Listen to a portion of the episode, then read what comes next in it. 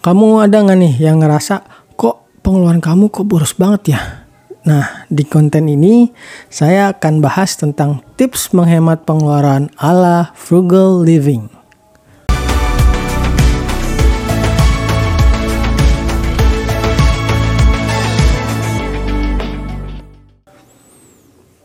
Halo, Haryo di sini ketemu lagi sama saya.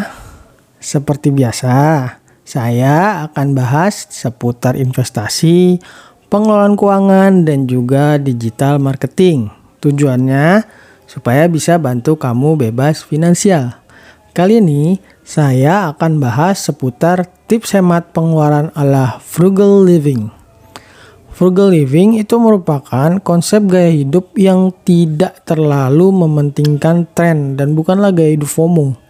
Karena frugal living merupakan gaya hidup yang berprinsip pada value for money. Artinya, mempertimbangkan segala tindakan pengeluaran. Maka itu, jangan pernah mengeluarkan pengeluaran hanya karena orang lain. Misalnya cuma biar dilihat keren. Frugal living itu juga dapat diartikan sebagai penghematan pengeluaran. Namun, bukan artinya harus pelit. Nah, saya punya nih 6 tips penghematan pengeluaran ala frugal living. Ya mungkin aja bisa kamu terapin. Yang pertama, penghematan dari transportasi. Banyak cerita tentang milenial yang lebih memilih punya mobil dibandingkan punya rumah. Sehingga mereka rela ngontrak tapi yang penting punya mobil. Dan parahnya lagi, dengan mereka memiliki mobil, kondisi keuangan mereka tuh malah jadi semakin buruk karena uh, dengan punya mobil ada hidden cost yang harus mereka keluarin. Selain itu, godaannya itu loh untuk pergi setiap akhir pekan juga semakin memperburuk keadaan. Biasanya alasannya karena sayang udah punya mobil nggak nggak kalau nggak dipakai gitu. Kamu tuh perlu mempertimbangkan manakah yang lebih hemat antara menggunakan kendaraan pribadi ataukah transportasi umum.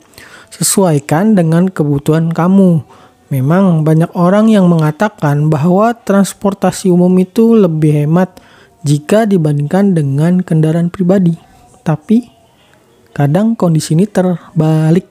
Misalnya, dengan menggunakan sepeda motor, kamu justru bisa lebih menghemat pengeluaran transportasi dan kadang juga lebih cepat sampai kantor. Bila di, uh, bila misalnya dibandingkan dengan kamu menggunakan transportasi umum.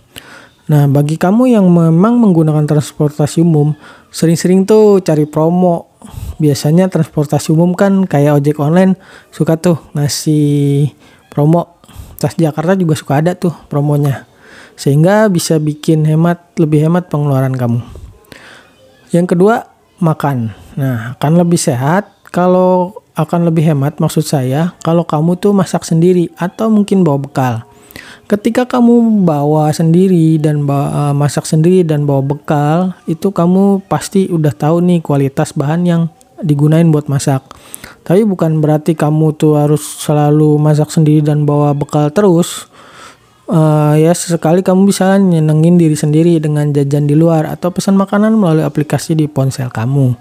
Dan saat kamu jajan di luar, kamu tuh bisa memanfaatkan promo yang didapatkan. Misalnya, bisa gratis ongkir atau juga promo cashback. Yang ketiga adalah entertainment. Kegiatan entertainment seperti nonton bioskop bisa dihemat dengan memanfaatkan promo atau bisa juga dengan menonton layanan streaming. Dengan menggunakan layanan streaming itu bisa menghemat pengeluaran. Lagi pula, kenikmatan menonton bioskop bersama dengan teman atau keluarga itu kan cuma dirasakan saat sebelum dan sesudah masuk bioskop kan. Karena kan kamu kan nggak mungkin juga ngobrol gitu di dalam bioskop pas lagi filmnya tayang. Eh, nah, kalau ketika kamu nonton gunain layanan streaming, kamu kan bisa sambil ngobrol dengan teman atau keluarga kamu.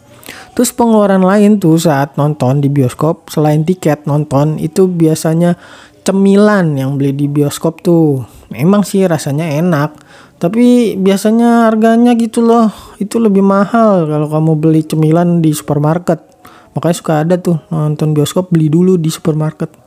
Nah, kalau nonton di streaming misalnya di rumah siapa gitu, kamu bisa nyiapin makanan sendiri jadi lebih hemat.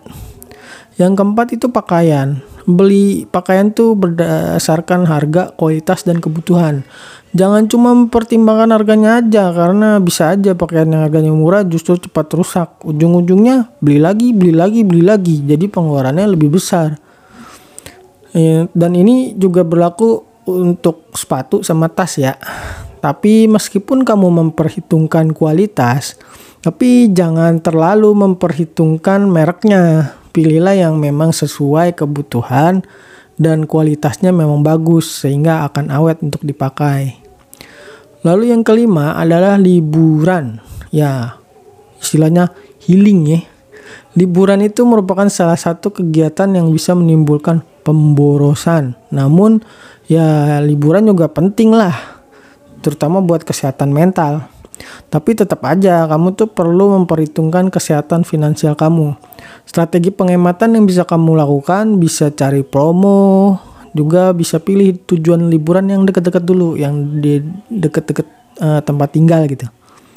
Yang keenam itu ada self development dan kesehatan. Self development dan kesehatan itu merupakan investasi yang penting. Istilahnya investasi lah untuk hmm, kepala leher ke atas gitu. Namun karena merupakan hal penting, kadang bisa bikin kamu tuh kejebak dalam pengeluaran tambahan. Misalnya, untuk jaga kesehatan, kamu daftar jadi anggota gym. Padahal kamu kan nggak perlu sampai seperti itu. Kamu bisa olahraga dengan cara beli dumbbell atau bisa lihat tuh video-video di YouTube. Kebanyakan kalau orang yang ke gym itu cuma ngobrol atau cuma mainan handphone. Dua jam, olahraganya cuma 15 menit. Sisanya ngobrol. Kursus seminar terus pelatihan juga bisa ngejebak kamu. Usahakan ketika kamu ngikutin kursus atau pelatihan, terutama yang online, selesaikan dulu dan praktikan terlebih dahulu ilmu yang kamu dapatkan. Jangan baru setengah jalan kamu udah beli lagi kursus yang lain, ya kagak kelar-kelar. Kagak ada yang dipraktekin ujung-ujungnya gitu, jadinya mubazir. Nah, frugal living itu merupakan gaya hidup hemat, tapi tidak mengorbankan kualitas. Dan metode frugal living juga merupakan gaya hidup yang seimbang, sehingga tidak harus hidup menderita seperti si pelit. Kamu bisa kok tetap senang-senang, tetapi kamu harus pikirin dulu dan pastikan pengeluaran yang kamu lakukan memang benar-benar memenuhi prinsip value for money-nya serta jangan abaikan prioritas pengeluaran dan masa depan kamu. Oke, sampai di sini pembahasan tentang tips hemat pengeluaran ala frugal living. Sampai jumpa di konten berikutnya. Dah.